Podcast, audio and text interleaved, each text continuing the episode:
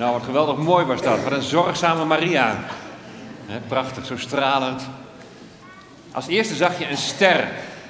En de kinderen van de kinderdienst, die hebben de afgelopen vier weken, de adventszondagen, hebben ze stilgestaan bij het thema Volg de ster. Nou, daar gaan we over lezen in Matthäus 2. En ik lees daar het volgende. Toen nu Jezus geboren was in Bethlehem in Judea, in de dagen van koning Herodes, zie wijzen uit het oosten kwamen in Jeruzalem aan. En ze zeiden, waar is de koning van de Joden geboren? Want wij hebben zijn ster in het oosten gezien. En we zijn gekomen om hem te aanbidden. Toen koning Herodes dit hoorde, raakte hij in verwarring en heel Jeruzalem met hem. En nadat hij alle overpriesters en schriftgeleerden van het volk bijeen had laten komen, wilde hij van hen weten waar de Christus, waar de Messias geboren zou worden. En ze zeiden tegen hem, in Bethlehem, in Judea. Want zo staat het geschreven door de profeet, de profeet Micha. En nu, Bethlehem, land van Juda, bent beslist niet de minste onder de vorsten van Juda, want uit u zal de leidsman voortkomen die mijn volk Israël wijden zal. En toen riep Herodes de wijzen onopgemerkt bij zich en vroeg hun nauwkeurig naar de tijd dat de ster verschenen was. En hij stuurde hen naar Bethlehem en zei: Ga erheen, doe nauwkeurig onderzoek naar dat kind. En als u het gevonden hebt, bericht het mij, zodat ik ook kan komen om het te aanbidden. En nadat zij de koning aangehoord hadden, gingen zij op weg. En zie, de ster, de ster die zij in het oosten hadden gezien, die ging hun voor totdat hij boven de plaats kwam te staan waar het kind was. Toen ze de ster zagen, verheugden ze zich met zeer grote vreugde. En toen ze het huis inkwamen, vonden zij het kind met Maria, zijn moeder, en zij vielen neer en aanbaden het kind. Ze openden hun schatkisten en brachten hem geschenken: goud en wierook en mirre. En nadat zij door een aanwijzing van God in een droom gewaarschuwd waren om niet terug te keren naar Herodes, keerden ze langs een andere weg, keerden ze weer terug naar hun land. Nou, zoals ik al zei, de kinderen van de kinderdienst hebben de afgelopen vier zondagen, de adventszondagen, stilgestaan bij het thema Volg de ster. En jullie hebben het over vier mannen gehad uit het Oude Testament. Die vier mannen, die staan ook in het geslachtsregister van de Heer Jezus. En dat zijn Juda, en dat zijn Obed, en David, en Josia. Kunnen jullie het je nog een klein beetje herinneren? Ja, zie je? Gelukkig. Bij alle vier, daar kun je in de taak die ze krijgen en dan kun je ook in hun karakter kun je al iets zien van de Heer Jezus die gaat komen. Zoals de ster erop wees dat de koning geboren zou worden, zo wijzen deze vier mannen in wie ze zijn en wat ze doen, zijn ze als het ware, zijn ze ook van die sterren die al heen wijzen nadat de koning gaat komen, dat de Messias geboren zal worden. Die eerste bijvoorbeeld Juda, Juda van de twaalf, de twaalf zonen van Jacob. En Juda, die krijgt een belofte. Hij zal over zijn broers regeren. En zo zal straks in de toekomst, zal de Heer Jezus, de Messias, regeren over zijn broers, over het volk Israël. Obed, die is heel dienstbaar. En weet je, Jezus is gekomen om te dienen, niet om te heersen.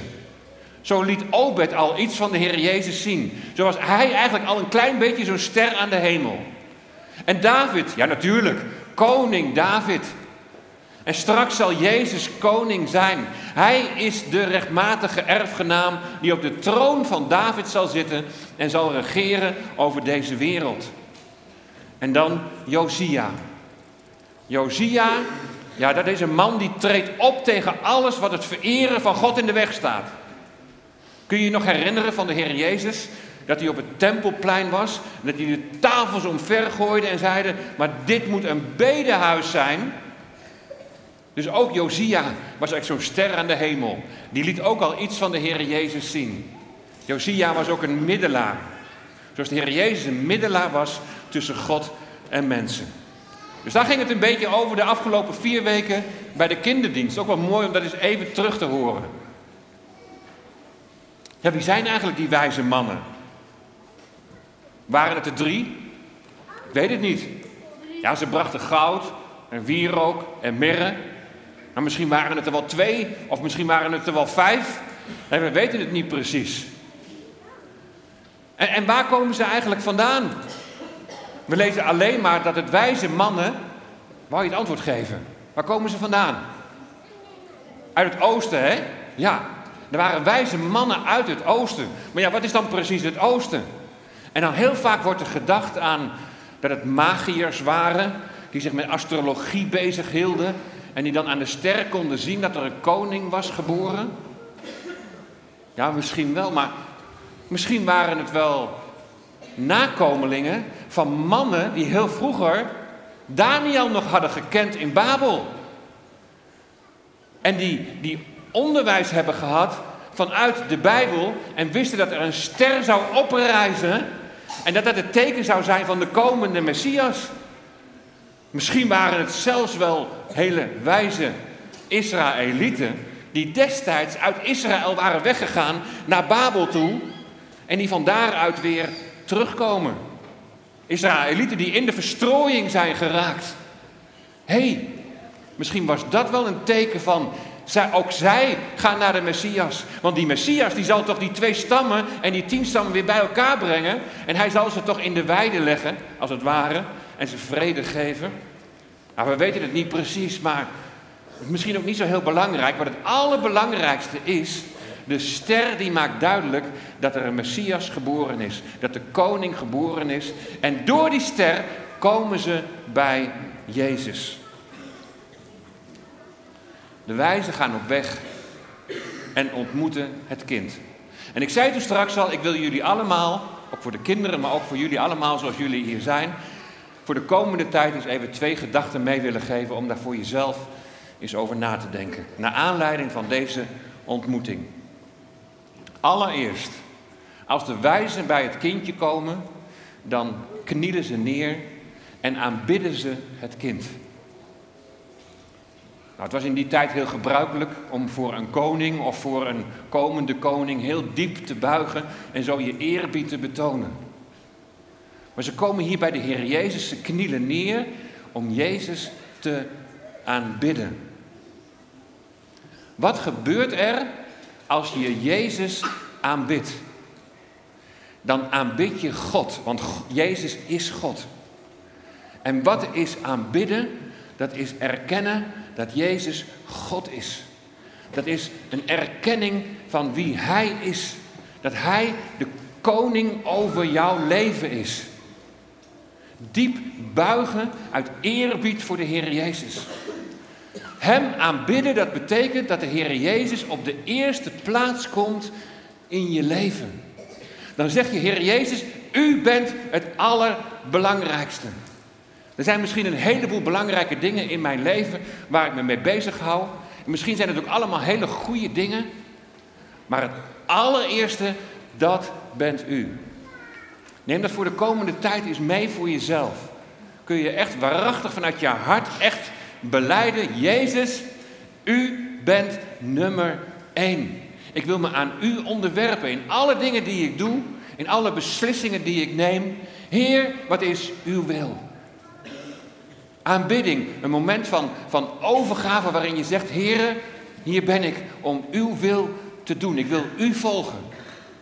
Welke prijs ik daarvoor moet betalen. Wil je daar voor jezelf voor de komende tijd eens over nadenken? Wat houdt je bezig? Wat neemt je leven in beslag? Is daar ruimte en is daar plaats voor het kind van Bethlehem? Niet ergens in een achterkamertje, maar mag hij je hele leven besturen en regeren. En het tweede, om ook even over na te denken. Toen de wijzen bij de Heer Jezus waren geweest, toen liet God hun in een droom zien: je moet niet meer teruggaan naar Herodes, maar je moet langs een andere weg moet je teruggaan. En zo komen ze natuurlijk veilig in hun land. Maar toen ik dat zo las, toen dacht ik bij mijzelf, even gewoon toegepast op onszelf, als wij bij Jezus zijn, als wij de Heer Jezus hebben ontmoet, als we bij Hem hebben geknield, als wij de Heer Jezus erkennen als de redder en verlosser van ons leven, dan ga je nooit meer via dezelfde weg terug. Dan blijft niets meer hetzelfde. Dan wordt alles nieuw. Dan word je op een nieuwe weg gezet. Dan ga je niet terug naar Herodes. Dan ga je niet meer terug naar de dingen van deze wereld. Nee, neem de wereld, geef mij Jezus. Want wereldvreugd gaat ras, gaat snel voorbij. Het leven, lieve mensen, het is allemaal zo betrekkelijk. Het is een, het is een zucht. En het leven is een voorbereiding op onze ontmoeting met alle, onze allerhoogste Heer. Als je de Heer Jezus hebt mogen ontmoeten, als je Hem aanbidt, als je zegt Hij komt op de eerste plaats, dan ga je nooit meer via dezelfde weg terug. Dan ga je niet meer terug naar de vleespotten van Egypte. Dan ga je niet meer terug naar de dingen van deze wereld.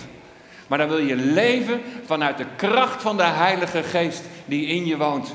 Dan heb je maar één verlangen. Heer Jezus, kom tot uw doel met mijn leven. En mag het zo zijn dat wij net als Obed en als David, als Josia, dat wij als het ware als een ster aan de hemel mogen zijn. En als mensen naar ons kijken en mensen naar ons zien, dat ze zeggen: hé, hey, ik zie daar een ster flonkeren. Ik zie daar zie ik iets van licht. Ik zie daar zie ik iets van de Heer Jezus.